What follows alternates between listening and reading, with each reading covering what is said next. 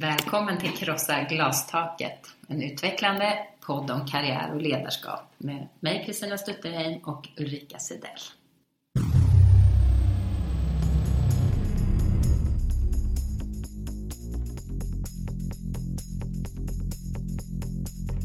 Och kvinnor ska då vara något annat, gärna supportfunktioner. Men mycket är väl att, de här, att det är mycket dubbla måttstockar på hur kvinnor och män behandlas. Mm. Att välja chef är ju fantastiskt viktigt. Prostitution och advokattjänster, det är liksom de äldsta yrkena som heller inte har förändrats.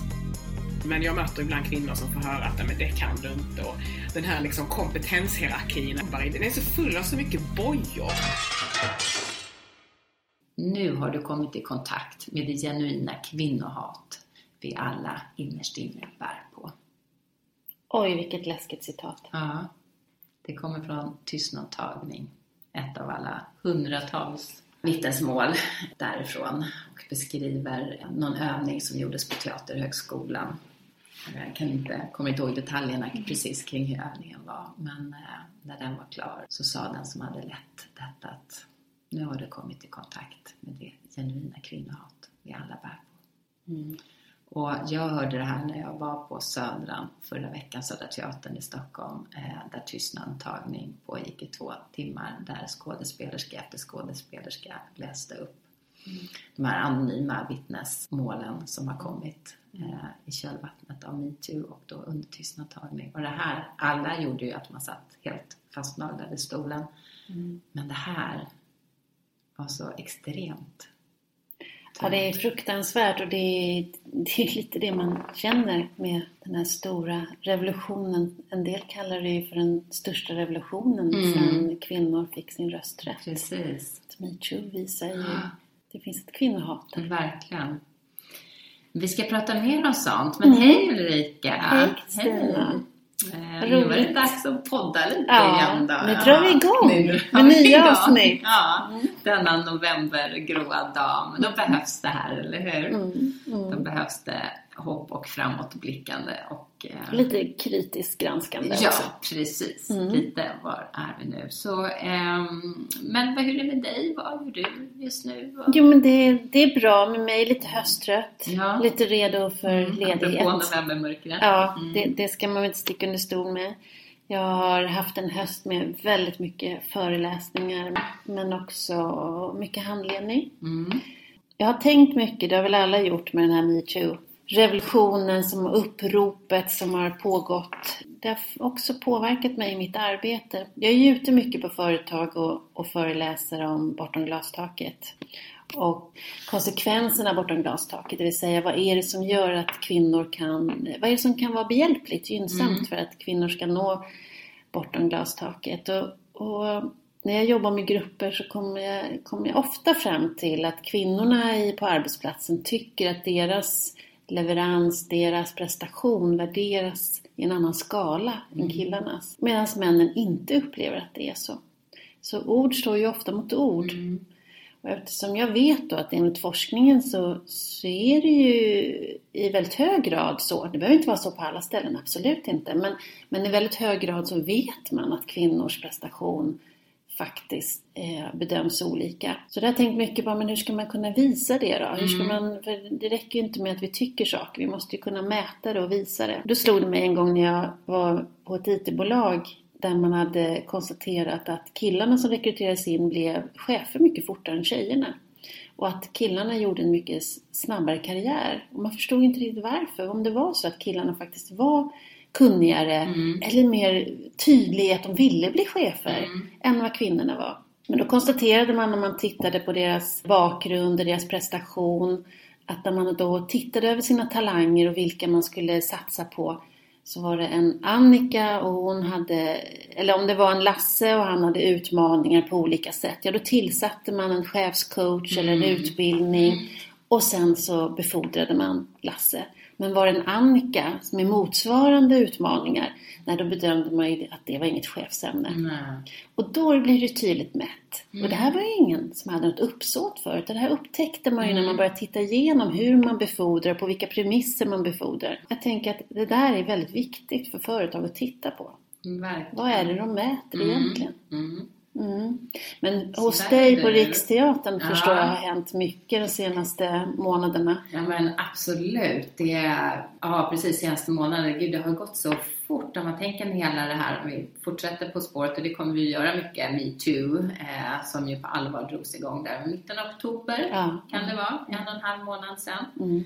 Startskottet tror jag de flesta känner till vad som hände i USA när Harvey Weinstein, stora Hollywood-mogulen, eh, ja, till slut fick gå därför att öppet kom det nu ut kvinnor som berättade om hur han hade eh, trakasserat och förgripit sig på Mm. dem. Och sen rullade det här på och eh, i Sverige blev det ju också snabbt stort just för att eh, han var mediekvinna som gick ut och berättade vad hon hade varit med om och Mm. eh, gav någon. Eh, och just det behöver vi inte gå in på men då drog liksom hela den metoo-uppropet Mm. eh, eh, igång här i Sverige. Och eh, sen har det ju följt av en massa olika branscher och det som ju då berör väldigt mycket mig är ju då tystnadtagning som Mm. var nästan det första efter Mm. att man hade, att det kom mycket röster från mediebranschen och så. Där är det ju över 700 kvinnliga skådespelare som eh, har berättat eh, vad de har varit med om från tidiga. Många var ju liksom när det var deras första jobb eller när man var på Teaterhögskolan som jag Mm. berättade om eller eh, så, så mycket som har hänt. En del har hänt då en lång tid tillbaka men Mm. som man har burit med sig och som aldrig har tagits tag i. Men det har blivit Ja. konsekvenser också. Ja, men det har det verkligen eh, blivit. Eh, det, dels så, liksom, så fort det här eh, uppropet kom ut så tog ju kulturministern verkligen tag i det hela och tog ansvar och kallade till sig cheferna för de tre stora nationalscenerna för att eh, höra vad man gör och hur ser det ut med arbetet kring riktlinjer och policies och hur, hur ska man jobba framåt. För hon har ju sagt, tror jag, upprepade gånger, jag tänker inte stå här om ett år igen och ingenting har hänt. Mm. Eh, och hon var faktiskt också med eh, just igår när vi hade ett, också det på Södra Teatern, ett kulturpolitiskt samtal som vi i Riksteatern håller som handlar om hur kulturpolitiken i stort. Mm. Eh, och, men självklart, jag tror inte någon har något typ av möte eller panel idag utan att man pratar om metoo på ett eller annat sätt och kulturministern var med och då, då var det mer just också i vinkeln, hur har det här påverkat konsten och kulturen? Har det det? Och hon var ju jättetydlig med att det är klart det har. Mm. Liksom, allt ifrån alla år av eh, tysta och osäkra rum. Liksom. Mm. Eh, vem kan verka och hur är det att verka i det? Mm. Att det har påverkat konsten och Mm. eh, att det här också kommer påverka framåt. Hur det känts för dig då? Du har ju verkligen levt i det här nu i, på ditt jobb, ja, i de här frågorna. Hur, hur har det varit för dig? Jo, men det har varit intensivt, men det har också varit Jo, men jag tänker att vi blir liksom ett bra, jag ska inte gå in på alla detaljer, men det var väldigt tryggt. Vi hade faktiskt, precis innan det här drog igång, så hade vi ett personalmöte när vi pratade om våra så riktlinjer Mm. som vi har sedan en tid tillbaka, väldigt tydliga mot trakasserier. Vi har en jämlikhetsplan. Mm. Så liksom min rekommendation av alla som inte har det, Mm. den tryggheten, det, det löser inte allt. Och det har vi pratat jättemycket om. Hur får man alla dokument att leva? Mm. Men att det verkligen finns saker att förhålla sig till eh, har varit jättetydligt. Och jag i min chefsroll också, Mm. hur hanterar man och, och så. Men så vi har haft väldigt mycket samtal i alla olika forum som har varit fantastiska. Om det har varit chefsforum, då har vi ägnat det åt det här, eller med personal. Och de här, den här dialogen kommer, kommer fortsätta, verkligen. Eh, Men också pratat om hela de här, eh, vi har målat upp en linje liksom, där du har sexuella trakasserier och det som verkligen är olagligt Mm. liksom, längst ut. Och eh, i början av linjen så har du jargong och bemötande och hela rastret däremellan. Mm. Som verkligen öppnar upp till diskussion. Men vad är vi då? Vad är Mm. våra liksom, största utmaningar? Både Och definitioner. Ja, precis. Mm. Och både då titta på vad är de enligt, enligt de vad ska säga, lagliga rättsliga definitionerna och hur funkar det hos oss och sådär. Så att, ehm, det, det har varit jätte... Det, jag tror alla upplever att vi, vi är inne, i, som du sa, vi är inne i något väldigt stort Mm. eh, och det är lärorikt och det kan bara bli, det kan bara bli bättre Mm. överallt. Det, Mm. Så är det ju. Eh, så känner man ju verkligen. Så att, ja, men det är något historiskt. Mm, Eh, det är det verkligen och nu hoppas vi att det blir någonting bättre utav det här, tänker jag. Att det inte är bara en tillfällig slända.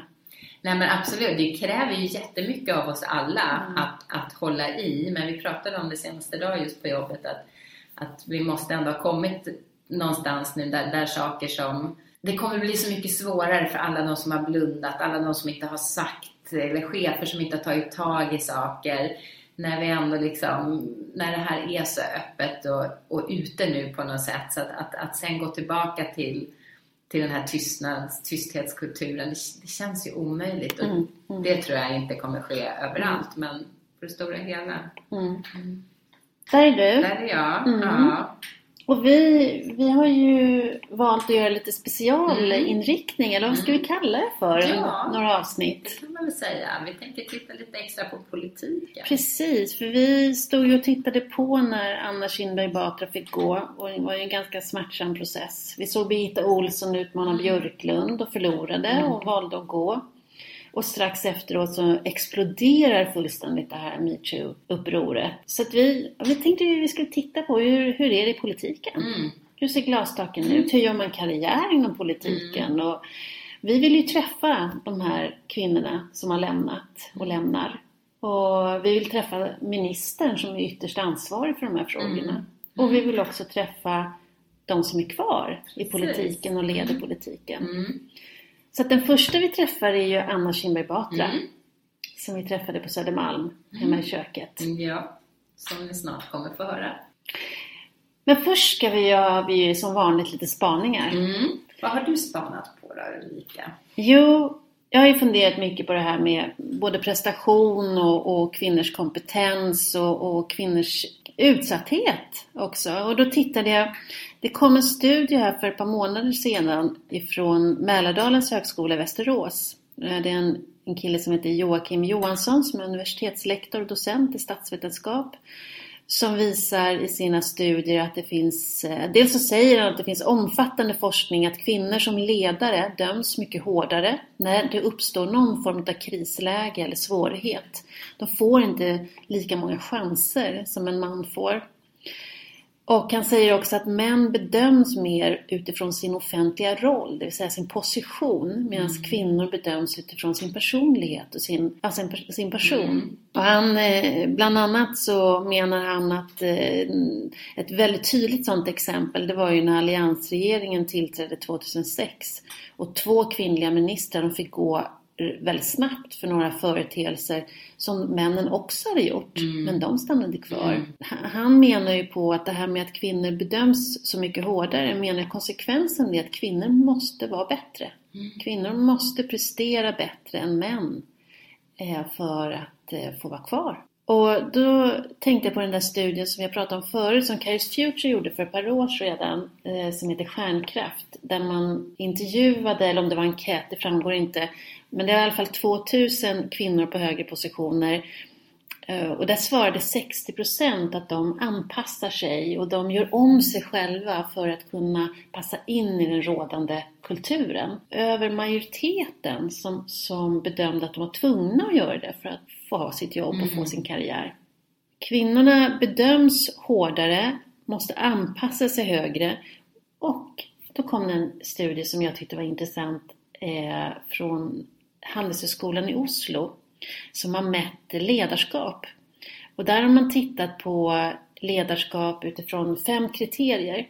Dels att man når målen. Eh, sen att man är innovativ, det vill säga man fångar nya idéer, man är flexibel. Man är nytänkande. Man, de, sina medarbetare upplever att de får stöd.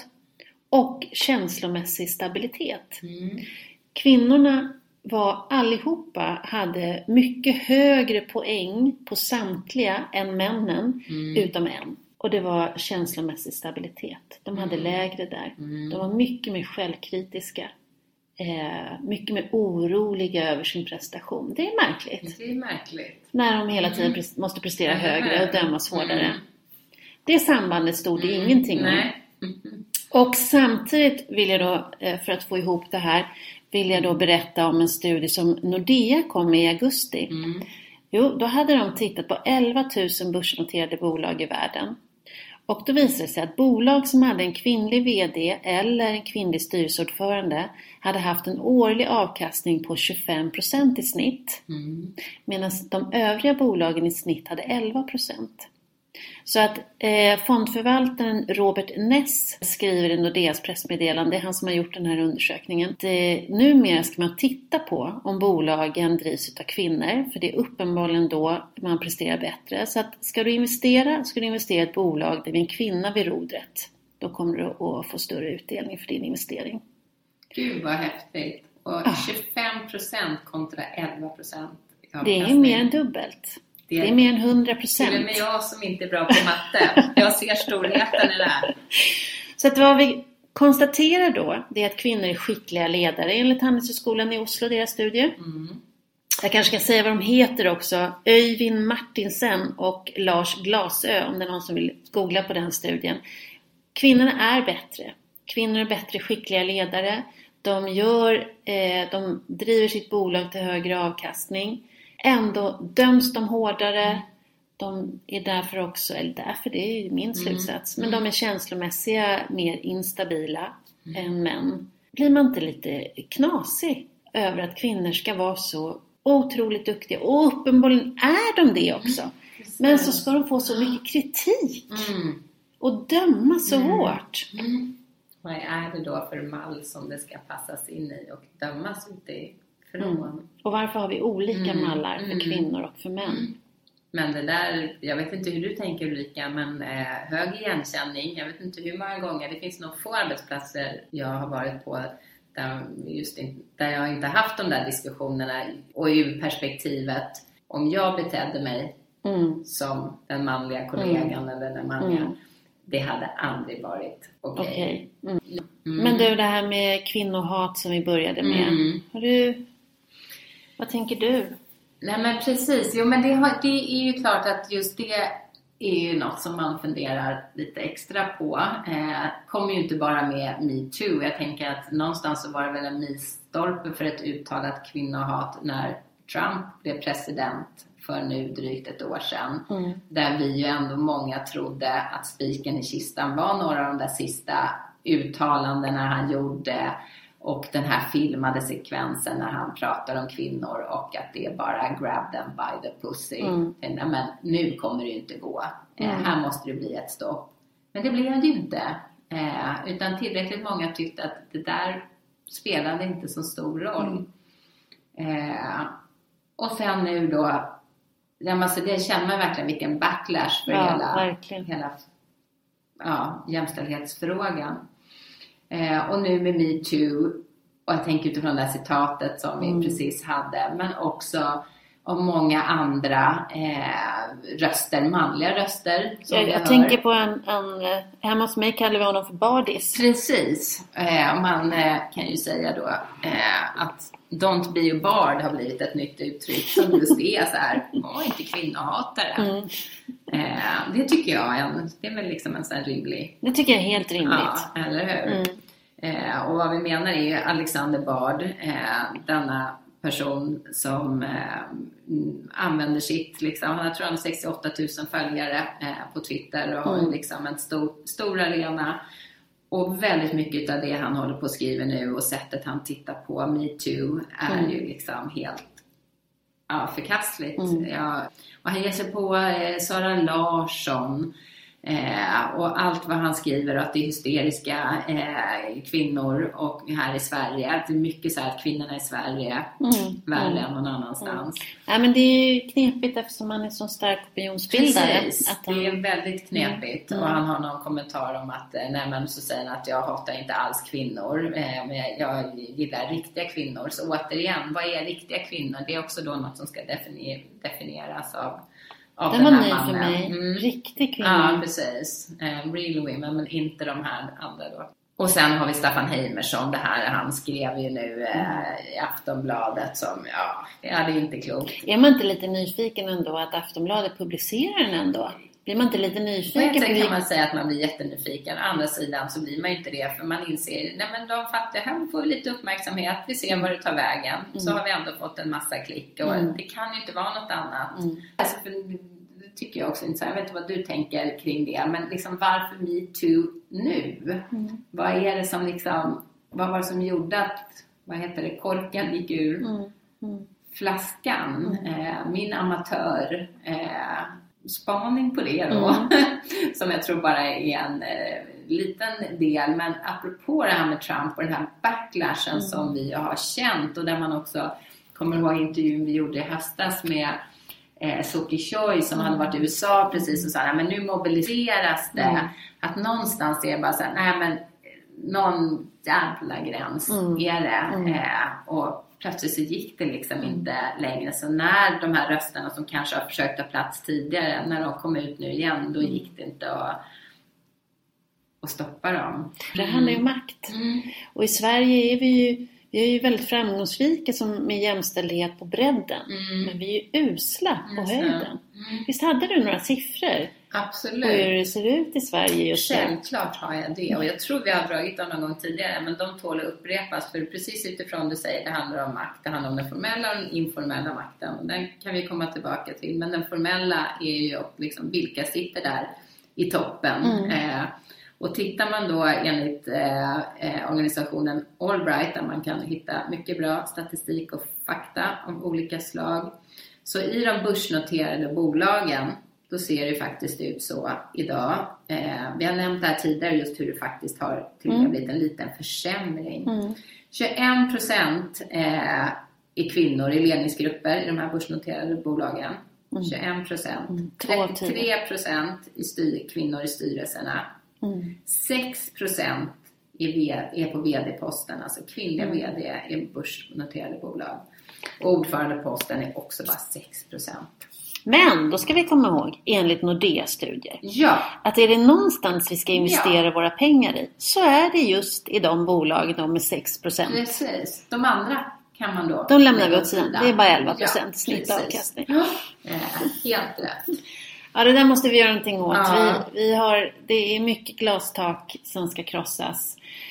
Men, men du, vi ska träffa en politiker. Det ska vi. Ja, Vi ska träffa Anna Kinberg Batra. ja. Mm. Och det ska bli jättespännande.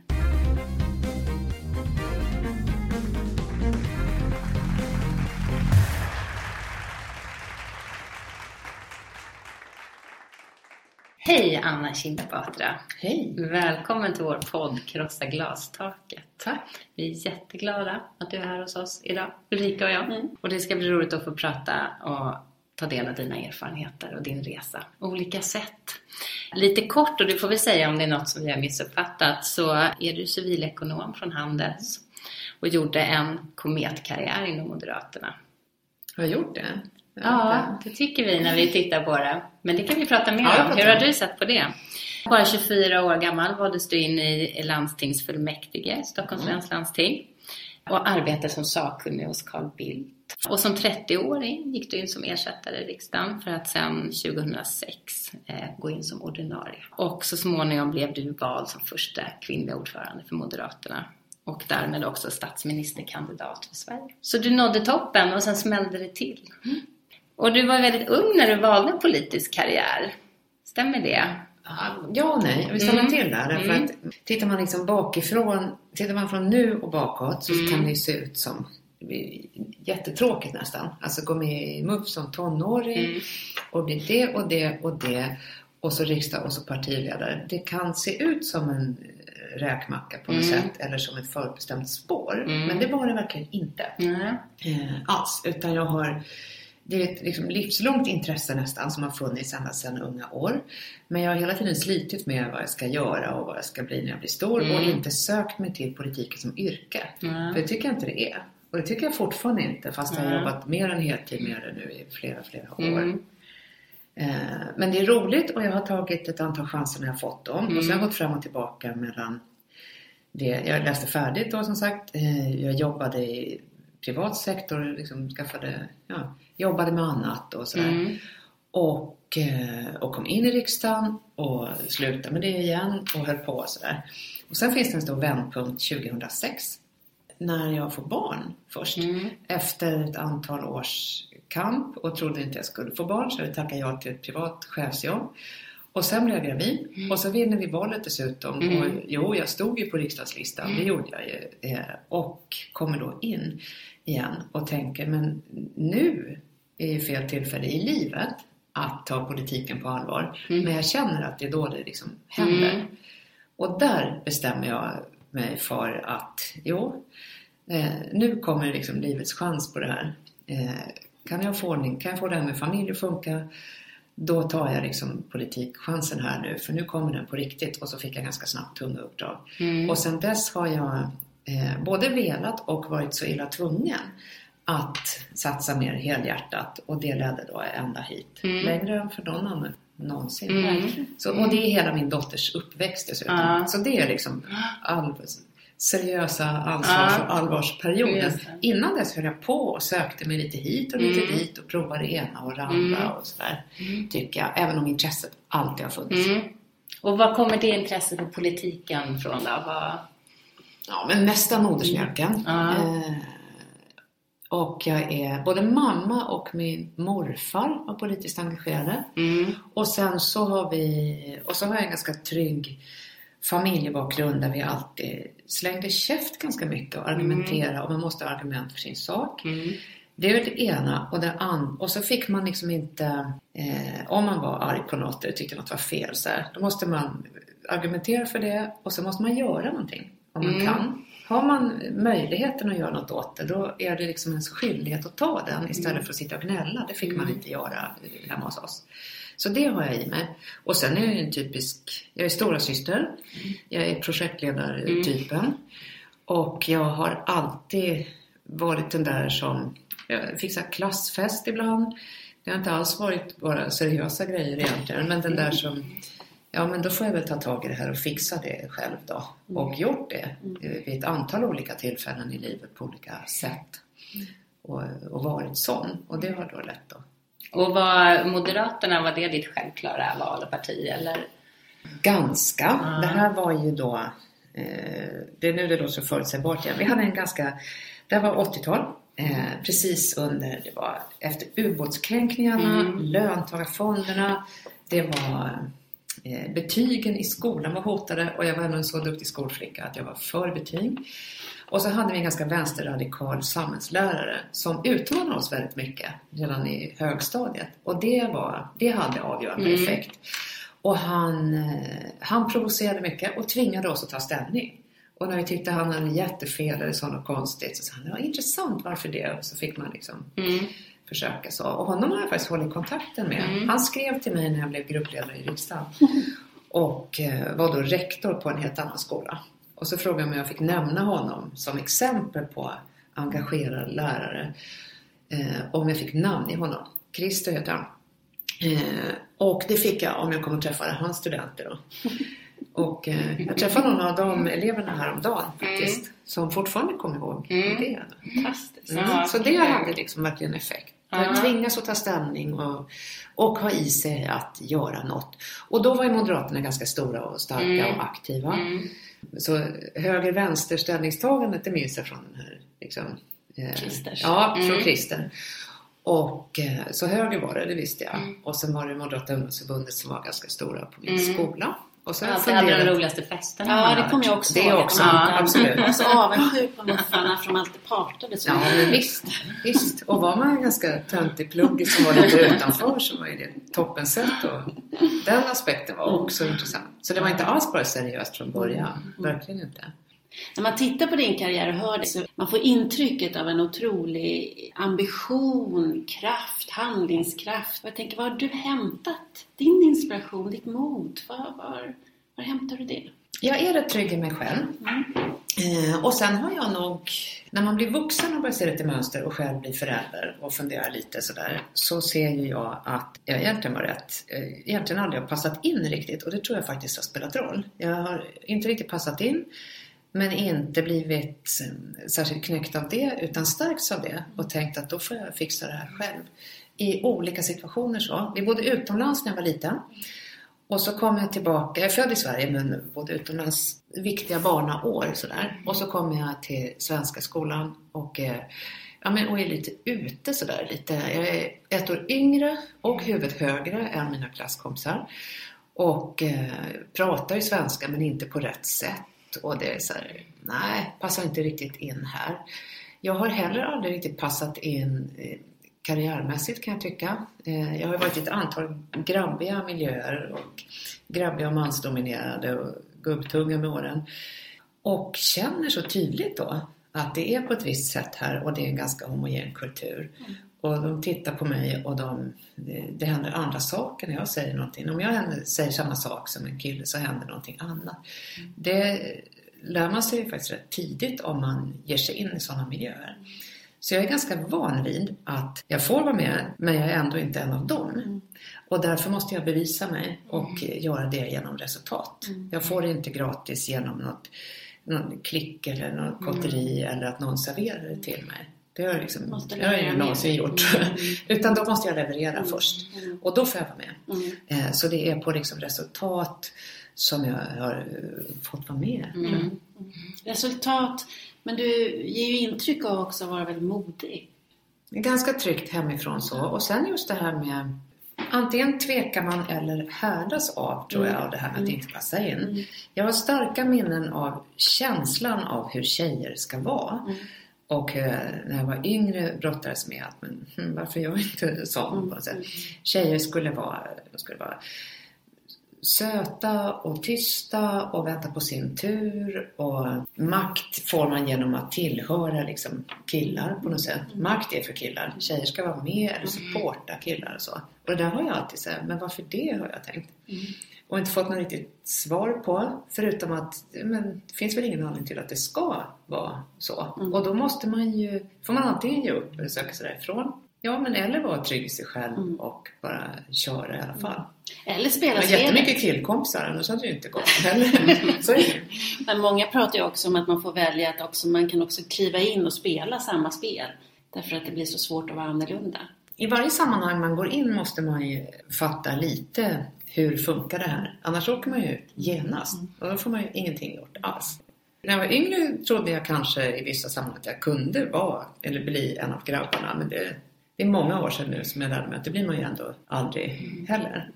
Man kan försöka inte fnittra och gråta på mötena och inte ha en blommig hatt.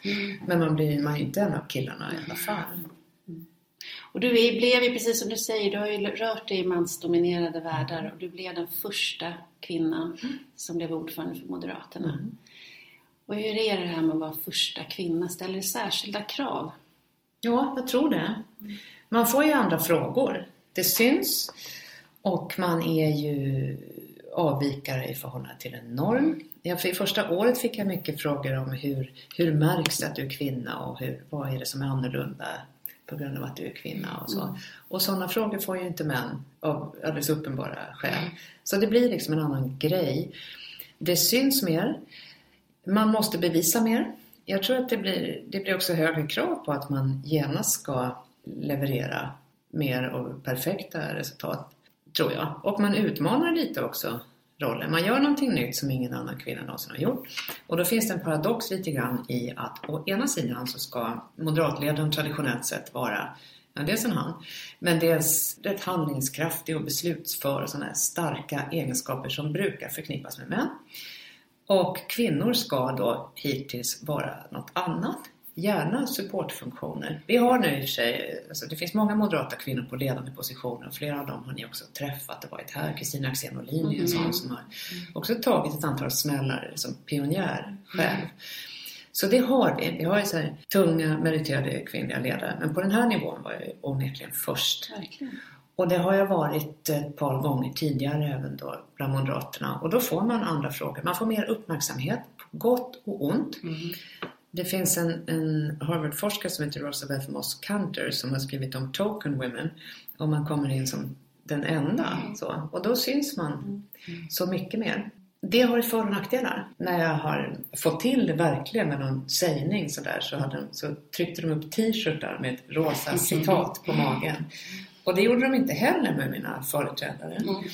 Och när man inte får till det så syns det också mycket, mycket mer. Och det, jag skulle nog tro, jag har inget att jämföra med mm. egentligen. Mm. Massor och inget samtidigt. Mm.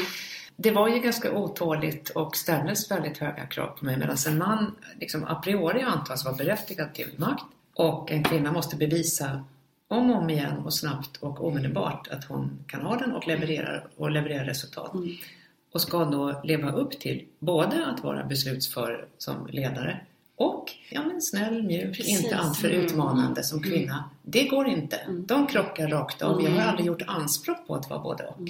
Jag jobbar en hel del med kyrkoherdar som kliver på oss för första gången blir kyrkoherde för en församling där det bara har varit män. Där visar man ju ofta att man ska vara den här beslutsmässiga, drivande chefen. Men man ska också vara den som bakar bullar och omhändertagande och snäll och står och tar emot alla. Det förväntas aldrig utav en man som är kyrkoherde. Och det Att- går inte här. Nej, det går inte. Du kan inte både fatta ett obekvämt beslut, driva igenom det strax liksom, innan alla är mogna för det och samtidigt se till att alla tycker att du är snäll. Mm. Vil- Vilken människa kan leva upp till det överhuvudtaget? Det är väldigt en omöjlig paradox. Det är en omöjligt Mm. uppdrag Ja, att fylla båda de rollerna. Ja. Mm. Men just det där du säger, tänker jag, hur många kvinnliga chefer har man faktiskt inte stött på som just säger det när de ska förklara hur de är. Där, men jag är ingen bullbakande typ. Det är helt horribelt sett till som sagt vad män förväntas vad de skulle säga. Du har ju varit inne på det, men eh, så när man tittar på utifrån eh, att vara ledare för ett parti, egentligen oavsett vilket, liksom, att vara partiledare, att leda en rörelse på det här sättet. Vilket, vilket uppdrag, vilket jobb. Det ser väldigt svårt och tufft ut utifrån. Vad har det krävt mer liksom, av ledarskapet? Hur, hur leder man en, en stor organisation, ett parti på det sättet? En rörelse i ett helt, som finns i hela landet. Och, det är väldigt det? roligt också för det första. mm, Det måste jag passa på att säga Mm. faktiskt. Och apropå till exempel prästerna, alltså att jobba idéburet mm, tillsammans med andra som tror på samma sak mm, är fantastiskt. Eh, och jag har, gjort det, ja, jag har gjort det ideellt i många år innan Mm. jag har gjort det liksom så här. Och det är därför det är tiotusentals som gör det ideellt Mm. också. Mm. Ur det får man en massa energi och man har ju, man har ju mål med det. Eh, och man delar ändå på så sätt en, ja, en grundtro då faktiskt, även i politiska Mm. partier. Sen finns det alltid då den interna och den externa dimensionen i det och det här är svårt. Eh, och det är svårt att få ihop och det är svårt att hinna med och räcka till i. Och internt ska man hålla ihop en stor organisation med frivilliga förtroendevalda, ett antal anställda också, men de flesta är det inte. Utan gör det för att de också tror på värderingarna men sen uppbär förtroendeuppdrag. Eh, Så det är en annan typ av organisation. Och det du har då som sammanhållande kitt är den här gemensamma visionen och den gemensamma tron och där måste du hela tiden visa internt hur den ser ut. mm, Det är då en utmaning när man kliver på efter åtta framgångsrika år i regeringsställning. mm. Där, inte har, där man inte har behövt förklara det för alla tyckte det var toppen. Så länge Mm. vi blir omvalda så Mm. behöver man inte motivera varför Nej. vi håller på med det här. Och i opposition är det mycket högre krav på vad är vår uppgift och var, vart är vi Mm. på väg och vad är vår berättelse och vår vision. Så Mm. Det ställer enorma krav. Mm. Samtidigt ska man utåt leda ett parti, vilket i opposition betyder då, om man är mod- moderat och störst i opposition, att vara statsministerkandidat. Mm. Det vill säga visa svenska folket varför vi har en bättre plan för Sverige, hur den ser ut och varför man behöver byta regering då i det här fallet. Eh, och, det ska också, och det är lite annat än det här interna. Det ska ju hänga ihop. Mm. Det är samma, det är samma sak man vill göra men man måste jobba på lite olika sätt inåt och utåt. Och sen är det ju uppenbara paradoxer i det interna och det externa när man syns så mycket. För när man syns utåt så ska man ju utstråla energi och framåtanda och vara ja, men, så stark och positiv som Mm. möjligt. Inte nödvändigtvis snäll, Mm. man ska gärna bli populär. Mm. Och samtidigt ska man genomföra rätt svåra grejer eller Mm. kommentera svåra saker. Och då är det inte alls lika roligt och framåt. Mm. Och det där är en ständig, det har också varit speciella år att jobba politiskt de här då, som Mm. har varit. Mm. Det är ett komplext Mm, uppdrag med verkligen. som är ideella och förtroendevalda Mm. på lokal nivå, på central nivå. Vi ska prata lite glastak. Mm. Eh, vi har ju sett, vi som står vid sidan av politiken har ju sett ett antal personer lämna nu. Eh, Åsa Romson, Miljöpartiet, eh, Birgitta Olsson som ställde upp nu eh, och eh, mot eh, Björklund och lämnar. Lennart, Lennartsson, Emma Lennartsson fick gå och du lämnade nu. Det som är gemensamt för er är ju att ni är kvinnor. Tror du att det finns ett sam finns ett samband? Ska vi vara jätteförsiktiga med det då, för det är extrema fall i varje, varje individuellt så. Och så syns de här mer och det händer nu och så händer det mitt i den här hösten när vi har hela metoo-kampanjen också. Så det är väldigt mycket fokus då på detta och hur behandlas kvinnor i offentlighet och så här.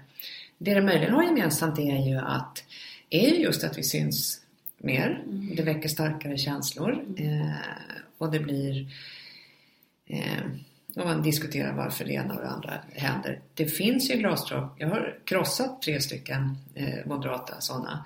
Men sen så finns det ju eh, man får, jag fick i mitt fall i alla fall en annan kritik än vad jag tror att en man skulle ha fått. Det, är alltså, det, har, eh, det har inte hänt på åtminstone inte hundra år att en moderat partiledare då inte har eh, fått prövas i val som planerat. Det här med att bli attackerad i förtid. Så. Och då får man ju fundera, det ska andra bedöma, är jag den absolut sämsta ledaren på hundra år av alla? Eller är det andra liksom, eh, mekanismer här som, som har effekt? Jag tror inte kön är allt. Eh, det här är en extrem politisk tid och vi har Alltså, det är ett väldigt besvärligt omvärldsläge, sociala medier, alla är arga på allting, hela mm. det politiska landskapet ritas om. Det händer väldigt mycket samtidigt här som gör att det blir hetsigt och argt och mm. otåligt och svårt. Mm. Men när det då är svårt, då spelar det roll hur mm. sårbar du är. Och då är man kanske mer sårbar som kvinna. Mm. Hur, hur, ser glastaken ut inom politiken? Jag, jag tänker inte bara Moderaterna utan det, du har ändå ägnat väldigt massa år inom politiken och som kvinna. Har du sett, finns det maktspel på det sättet som eh, påverkar kvinnor mer än män? Det finns ju massor av maktspel i politik. Det är ju en, en del av det. och det måste man förstå, annars kan man inte bli partiledare mm. alls. Så jag är inte alldeles, alldeles naiv inför det. Så. Men det finns eh, det finns olika, jag, tyck, jag tycker absolut att det är olika behandling av män och kvinnor i offentlighet. Tycker jag. Och det spelar ju då roll därför att om, om det gungar under dina fötter för att du får kritik eller för att det går mm. dåligt, vilket ju händer alla. Eh, Moderaterna tyckte Fredrik Reinfeldt var jättetråkig i början och de var rasande på Carl Bildt under hans första år och efter mm. hans första val och sådär. Så det går i vågor det där med hur mm. poppis man är. Mm. Och det tar tid att lyckas eh, oftast. Eh, men när det då inte går så bra, eh, då avgörs ju då, då, spelar det roll hur starkt ditt interna stöd är för hur mycket extern kritik du tål. Mm. Och det avgörs av olika maktcentra och maktspel. Mm. Så man så... måste lägga tid på. Och om man då behöver bevisa sig mer eller eh, ja, men bryter norm till mm. exempel. Då, är det, då, ställ, då blir det snäppet tyngre jobb. Mm. Mm. Definitivt. Och det finns ju många studier som visar generellt på det också, att kvinnor har generellt mindre stöd. Det är inte så konstigt eftersom det är så mycket färre kvinnor i toppen. Ja, mest beror det på det. Det finns ju mer tradition av liksom fler män som känner varandra. Exakt. Det är klart det finns kompisgäng med män i för att det har varit dominerat. Absolut. Förut. Den här metoo-debatten som nu är i Sverige eh, och inte bara i Sverige, men, men eh, i Sverige i full gång. Vi får höra kvinnors berättelser om sexuella trakasserier. Eh, vi får höra Även politiker har varit ute och pratat. Annie Lööf har berättat hur hon har fått händer på sin kropp. Utrikesministern. Vi hade en, en politiker från SD som eh, gick ur partiet på grund av det. Ehm, I ditt eget parti såg vi i somras en, en jättemedial situation där Anders Borg trakasserar kvinnor på en fest och där du blir, går ut tydligt och svar, på svar, som svar på en fråga att ett sådant beteende inte är okej inom Moderaterna och du blir omedelbart eh, bemött utav Anders Borg, inte på i sakfråga utan utifrån din kompetens var det då han angrep.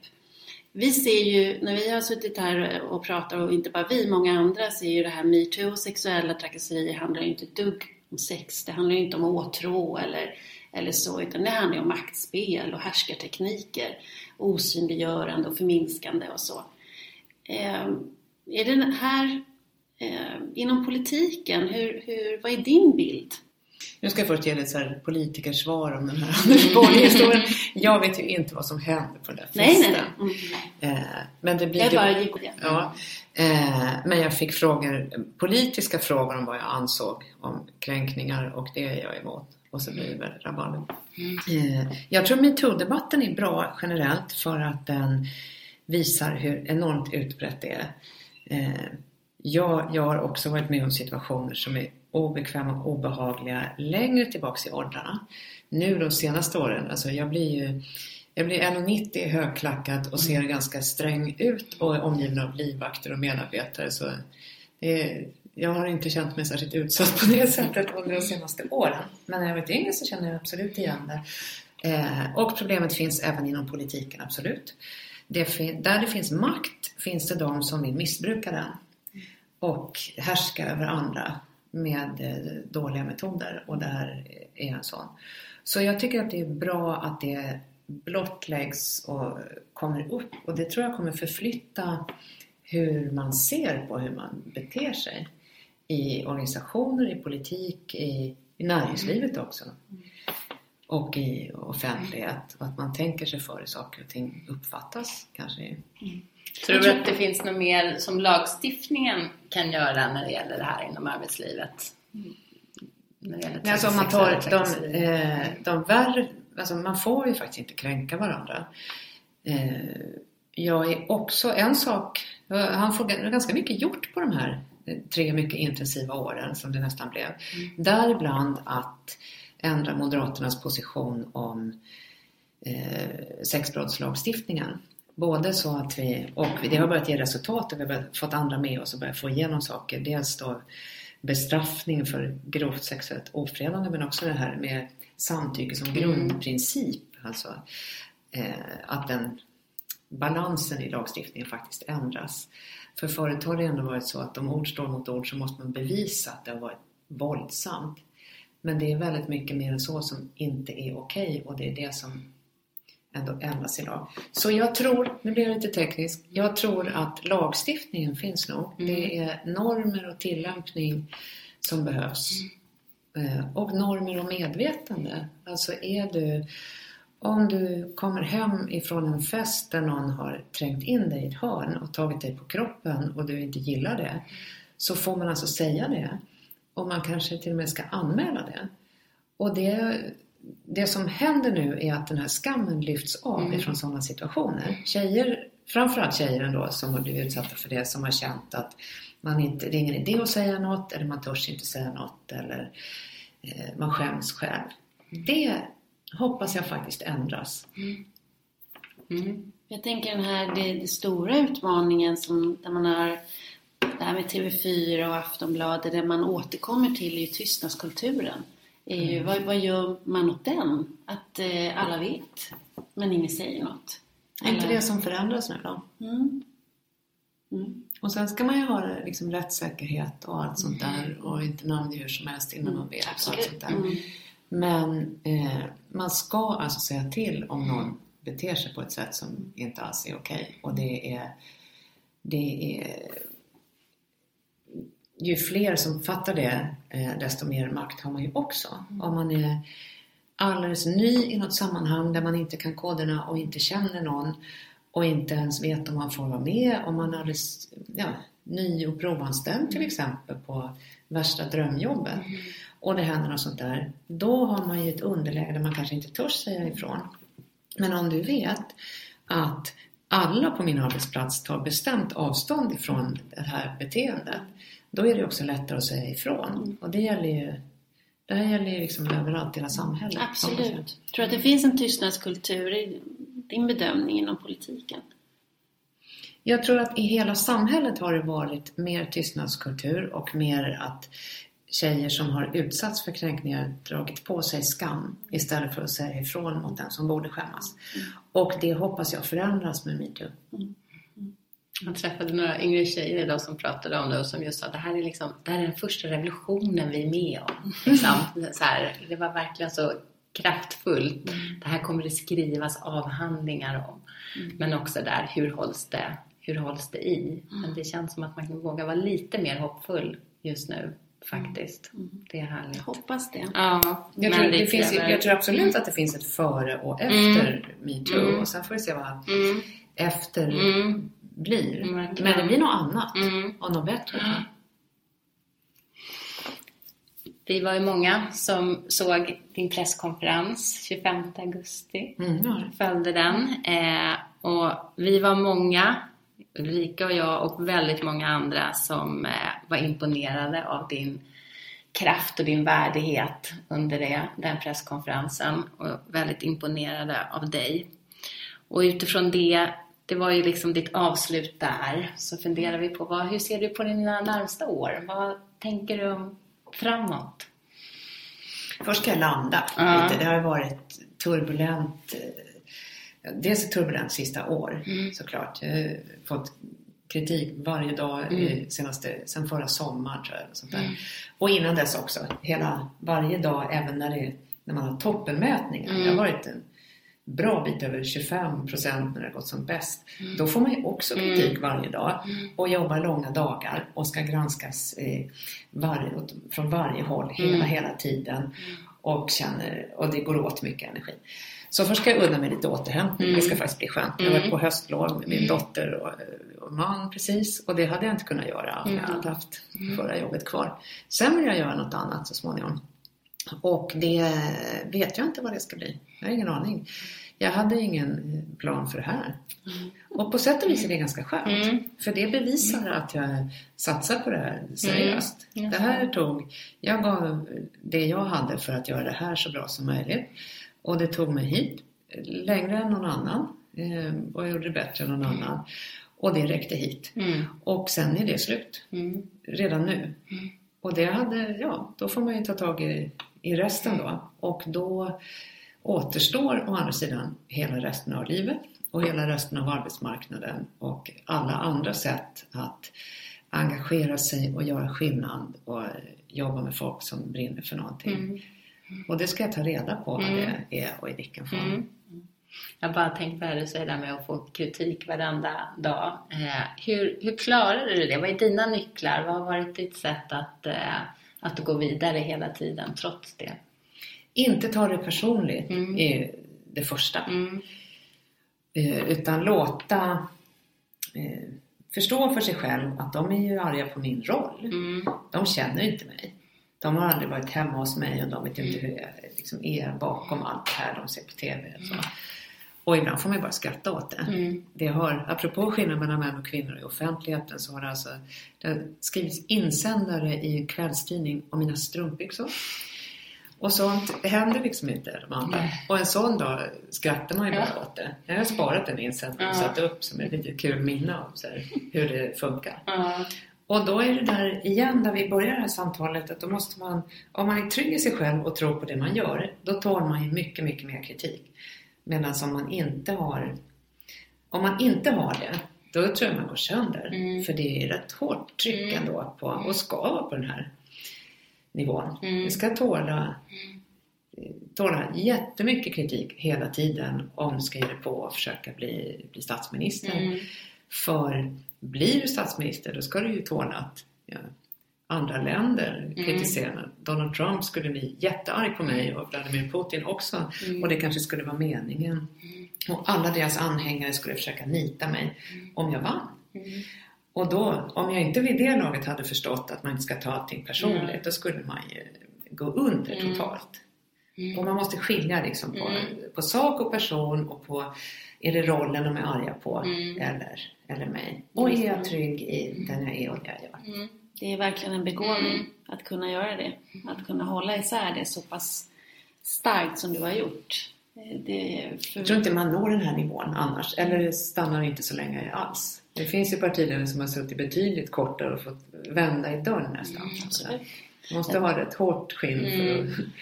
Jag tänker på Stig Dagerman som säger att eh, styrka ges till den som har någonting att kämpa för. Mm. När man har eh, något större Mm. än sig själv. Mm. Då blir man mycket, Mm. mycket starkare. Mm. Och de här perioderna när jag fått som mest kritik, de har nästan, eh, ja men de har ju pressat fram, viss, i de lägena har jag gjort några av mina de bättre så här, om man mäter i så här, ja, hur de skriver och vad de säger efteråt och så här. Och det har jag funderat efter, men vad konstigt. Jag var ju, hade inte sovit. Mm. Men det kanske var just därför. Mm. På något sätt att man pressas ut på kanten av sin, så här, oj oj oj, nu måste jag, allt annat oväsentligt och ytliga lager måste bort. Nu har jag bara min kärna här och det jag har i mig. Och det måste fram. Det på något sätt pressas fram under den här pressen också. Så jag blir tryggare i rollen. Mm. Men det har jag sett fram emot att visa mer om. Mm. Det tar ett par år tror jag att komma in i den. Du kommer ju såklart få göra det och visa både din begåvning och kompetens fast i ett annat sammanhang. Det kommer ju bli väldigt spännande att få mm. följa det. Jag tänker på, du har gjort en helt unik resa. Du är ju ensam i Sverige om att ha gjort den här, mm. eller i världen, men om vi pratar Sverige, om att ha gjort den här resan.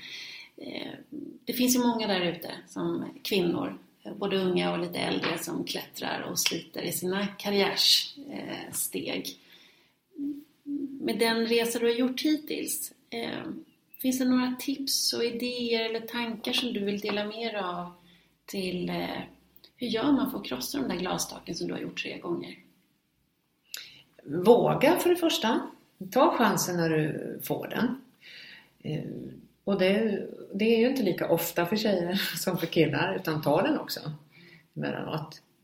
Killar är ganska bra på att promota varandra och tipsa mm. varandra bättre än tjejer. Jag har alltid, jag har trivts väldigt bra i mansdominerade kulturer också, annars hade jag inte kommit så här långt. Så försök liera dig med dem lite grann, annars går det ju inte. Det är inte killarna mot tjejerna sådär, eller tvärtom, där inne, behöver det inte vara. Eh, men ta chansen när du får den och se till att ha några omkring dig som också eh, stöttar. Och det är ju kanske svårare. Om du då är van vid att fixa grejer själv så eh, får du då inte sådana gratis. Medan om du skulle hade jag, varit, hade jag fått det här jobbet för att jag var en del i ett, liksom, ja, ett homogent killgäng till exempel så hade det följt med några fans. Och jag har, jag har fans, folk skriver till mig och vill ta bilder och sånt där. Men alltså på insidan mm. som verkligen är med och krigar för det och tar smällar åt det. Mm. Så. För får man ta i fler, jag har tagit rätt många smällar själv mm. och, det, och tyckte det har varit nödvändigt. Men det kostar ju då mm. och det, då tar man också risk. Mm. Så se till att ha liksom ett supportteam på insidan på allra högsta nivå, det måste du ha.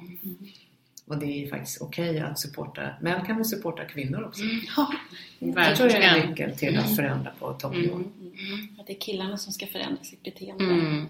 Att supporta också, generellt sett. Om vi pratar normer, inte individer. Ja, och båda. Alltså när man undersöker sådär hur... Eh, ja, kvinnor brukar också svara eh, ojämställt på sådana frågor om makt eller vem är expert och sådär även, även kvinnor ser olika på män och kvinnor i ledarroller. Mm. Mm. Vi ska börja runda av. Och vad tror du, kommer våra barn få se en kvinnlig statsminister? Jag hoppas, det hoppas jag att de får. Mm. Jag hoppas min dotter får uppleva det under sin livstid. Mm. Hon är född 2006. Mm. Och det är, väl, det är väl lagom att hoppas på tycker jag. För det är ju något konstigt och det skriver de ju om i andra länder också. Att vi, Mona Sahlin och jag har mm. kommit närmast. Men eh, att Sverige som är så jämställt i så många andra avseenden inte, inte har spräckt det här glastaket. Så. Mm. Det är ju något, eh, mm. det har vi kvar och varför inte? För det är ändå, man kan ha synpunkter på den svenska jämställdheten på många sätt men jämfört med jag hade aldrig kommit så här långt om det inte hade funnits eh, ja, förskola, eh, jämställd, en jämställd man som också tar ansvar i hemmet mm. och med barn mm. och sådana saker. Mm. Alltså förutsättningarna för att bli allt man vill och kan är ändå bättre i Sverige än många länder på denna jord. Mm. Så ska det födas till flickebarn någonstans och ha möjligheter här i livet så är Sverige en rätt bra deal.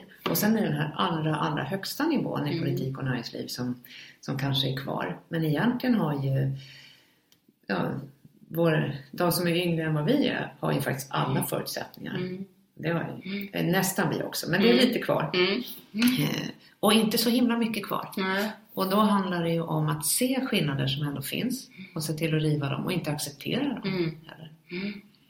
Det förekommer ju fortfarande, det har jag hört i både politik och näringsliv, att folk påstår i rekryteringssituationer att det inte finns kompetenta kvinnor Mm. eller att det inte finns några kvinnor. Mm. Och ja, det, det faller på sin egen Mm. orimlighet. Det Mm. vet ju vi att det inte är sant. Mm. Och då måste man i sådana lägen har man ju makt eh, att förändra faktiskt normer och attityder och be någon här, ja men kom tillbaka när du har lite bättre beslutsunderlag. Då. Mm. Så. Det är små steg på många olika Mm. nivåer. Verkligen. Se hindren, Mm. riva dem Mm. och gå, tackar jag. Mm. Mm. Mm. Mm. Tack Anna för att du medverkade i podden Krossa glastaket. Stort tack! Tack så mycket.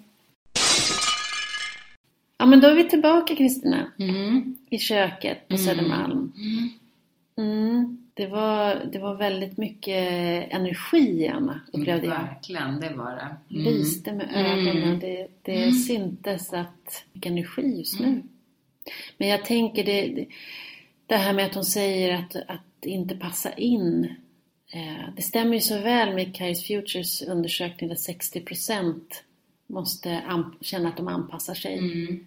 eh, i en kultur som, de, som inte är de själva. Sen tänker jag på det här när hon säger att hon har fått ta kritik varje dag i flera år. Ska det behöva vara Nej, så? det- Ja, jag tycker inte det. Jag, jag tycker att vi ska träna oss att se nya sätt att hantera situationer, lära av misstag. Men det hon beskrev att det här är ju en situation som Moderaterna aldrig hade varit i. Det är ett stort förändringsuppdrag som hon har fått. Eh, och då eh, måste man bygga en lärandeprocess. Mm. Det måste vara, vad lär vi oss utav det här och vad gör vi nästa steg? Det, är- det är ju ont att höra Mm. att Mm. det är så hårt. Verkligen. Och jag menar, som sagt, det går inte att föreställa sig att kritik varje dag, oavsett om det gick bra eller dåligt, Mm. utan det fanns alltid något och hur man ja, eh, skyddar sig för det för att ändå göra, göra sitt jobb. Du, Mm. vi har en lyssnarfråga. Ja, Eh, och eh, vi får ju lyssna, vi får ju frågor hit till eh, karriär. karriär krossaglastaket.se. Tänk att det ska vara så svårt Ja. för mig att komma ihåg det. Jag förstår inte det. Men jag tänkte läsa en fråga. Mm. Hej! Jag lyssnar på er podd som jag får så mycket kraft ifrån. Har en fråga om karriärbyte som kvinna vid 50 plus för högre tjänster. Vi är några högre chefer inom ekonomi som upplever oss för inom citationstecken erfarna och inte får möjlighet att visa vår kunskap, kompetens och erfarenhet. Vi skulle vilja ha några tips hur man kommer framåt i karriären. Vi har mycket att ge. Mm. Och det är sant. Det är sant. Mm. Det är diskriminering i Sverige. Precis. Eh, och även om det visar, jag läste någon eh, artikel eh, och så kring det här, att det ändå liksom ljusnar. Och inte minst att, att inom vissa sektorer så är det enklare. Mm, Eh, socionomerna, där ringer de in pensionärerna där ringer de in pensionärerna, men offentlig sektor precis Mm. överhuvudtaget. Mm. Eh, Så det kanske också, om vi ska liksom, ja vad gör man om man känner att det är där man är? Att, det, är, att det känns svårt och lite motigt och att man Mm. inte eh, kommer på intervjuer eller vad det nu Mm. kan vara. Först tycker jag det första är att, att e- erkänna så här ser det ut i Sverige. Ja. Det här handlar inte om, om mig som individ Nej. eller dig som skriver utan det här, det här är ett strukturellt Mm. problem. Men det finns ju saker att göra. Ja. Och då tänker jag bara apropå offentlig sektor att faktiskt titta och bredda kan vara en del. Att, Mm. att se över vilka branscher eh, har man faktiskt störst chans. Mm. Så man kanske får bredda lite eh, sitt, eh, sitt sökande. Men sen visar man ju också att eh, de här rekryteringsföretagen är inte så skickliga på att plocka in seniorer generellt sett. Så att jobba med nätverket. Mm. Att eh, eh, träffa folk, utöka ditt nätverk, sök upp människor, tala om att du är intresserad, att du, vad du kan ge och vad du vill byta och, och vad du har för erfarenheter. Men sen tänker jag också att du, du säger bredda sig när det gäller bransch, men jag tror också man kan bredda, man får bredda sig när det gäller anställningsform. Mm. Många eh, interimsbolag byggs ju upp nu, det vill säga där bolagen plockar in eh, personer som stannar ett tag, en begränsad tid. Därför att man, företaget förändras så snabbt och man vill ha olika kompetenser i olika tider. Så att interimstjänster där de söker, då söker de ju erfarna, kunniga personer som snabbt, kan gå in och Mm. leverera resultat. Så att interims, men sen tänker jag också att man eh, man kan också ha olika anställningsformer. Man kan eh, ha en interimstjänst. Man kan göra eget som egen konsult. Eh, I det här ekonomi till exempel. Eh, Man kan jobba deltidstjänster. Alltså man kan, att få, man kan ha flera tjänster till en heltid till exempel. Jag tror att man får tänka väldigt brett. Mm. Och lite flexibelt. Ja, Mm. Mm. att det ser ut på ett annat sätt helt Just enkelt det. än vad man är van vid. Men sen tror jag verkligen på det här med karriärkonsulter. Mm. Att få någon att bolla med. Mm. Att titta liksom strukturerat över sin karriär. Vad är det man har? Vad är det för styrkor? Mm. Hur ser det ut framåt? Att ha någon att bolla med som, som är proffs på Mm. att vägleda. Mm. Eh, tror jag också är bra. Och som kan kanske då också hjälpa en att än mer liksom se och trygga sig i den fantastiska Mm. kompetens och erfarenheten man Exakt. har. Så att man inte går in i det här. Det kan jag säga som rekryterar mycket. Jag har ju faktiskt ett par gånger haft sökande som lägger väldigt stort fokus själva på att de är äldre. Mm, Redan jag i brevet och sen Mm. när vi ses. Och det, eh, det blir inte alltid så bra. För det, Mm. det tar liksom kanske fokus bort från vad kompetenserna eller så är. Eller man Mm. backar lite in i, i den där ansökan Mm. när man sätter för stort fokus på det. Mm. Så, så s- ja, så här ser det ut. Mm. Men det finns en massa möjligheter. Så gå lite stolt och kraftfullt in i, Mm. i det. Mm. Eh, Så är chanserna så himla mycket bättre. Håller med. Hoppas att det var någonting Ja. som du fick med dig. Tack så mycket för att du hörde av dig. Mm. Det skulle vara jätteintressant att få höra hur det går för er sen. Och vart ska de då skicka? Vad är mejladressen? Karriär. Snabela krossaglastaket.se Det är tur att det inte är jag som ska skriva. Jag bara läser. Precis. Vi ska runda av, avsluta det här avsnittet. Eh, vårt första med en politiker. Vi ska ju ha en träffa en politiker även nästa gång. Mycket spännande kvinna. Vill du säga någonting? Ska vi avslöja nu? Någonting? Ja, eh, då kan vi säga att det är en väldigt modig kvinna. Mm. Autonom kvinna. Verkligen. Mm. Som har gått Eh. mot strömmen. Ja, duktig flicka. Mm. Mm. Du, innan vi slutar så skulle jag vilja sammanfatta lite tips apropå metoo. Eh, du som chef där ute i företagen, istället för att ge ett karriärstips som vi brukar göra så tänkte jag att ge några tips kring vad gör vi nu i vår organisation? Du har varit inne på flera stycken saker som ni har gjort på Riksteatern, men jag tänkte ändå skulle ge en liten Mm. fem tips. Mm. För dig nu som eh, vill kvalitetssäkra att det inte sker trakasserier på din arbetsplats. För det första, jämställdhet är en strategifråga. Det är en ledningsfråga, ska inte ligga i något enskilt projekt hos någon HR-specialist. Nummer två. Se över fördelningen mellan mjuka och hårda arbetsuppgifter mellan män och kvinnor på din arbetsplats. För där kan man verkligen se hur de här strukturerna ser ut. Är det bara kvinnor som skriver protokoll, köper bullar, eh, tar hand om de här administrativa, tråkiga sakerna? Eller hur ser det ut? 3.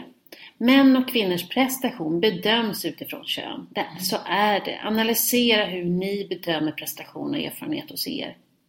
Nummer fyra, se över diskrimineringslagen. Gör en kartläggning över hur det ser ut på arbetsplatsen, en enkät.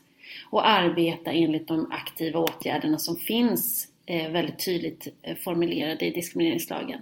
Nummer fem, skapa ett forum dit det är möjligt att göra en anmälan och diskutera det man upplever sig vara utsatt för anonymt. Kanske någon form av visselblåsare eller någonting. Men där man får tryggt bolla det man är med om. Vad är det jag är utsatt för? Vad är det som pågår? Eh, någon som inte är ens chef. Och det sista. Är det så att det pågår trakasserier eller ta- kanske till och med övergrepp i, på arbetsplatsen? Ja, men se för tusen till att polisanmäla. Yes. Och är det inte så pass allvarligt så att det är anledning att polisanmäla så se åtminstone till att det blir repressalier, att det blir en konsekvens om man håller på att trakassera andra människor. Jättebra. Det var tydliga och bra tips. eller jag säger måsten. Måste. Krav. Ja, krav helt enkelt. Aktiva åtgärder kallar med. vi. Ja, För att krossa glastak. Aktiva åtgärder är jättebra. Eh, Så var proaktiva nu och se till att göra dessa saker, eh, ni chefer där ute. Mm. Så kommer vi hjälpas åt att hålla metoo vid liv helt enkelt. Det kommer vi. Mm. Du, vi ska säga hej då. Ja, hej då! Hej då!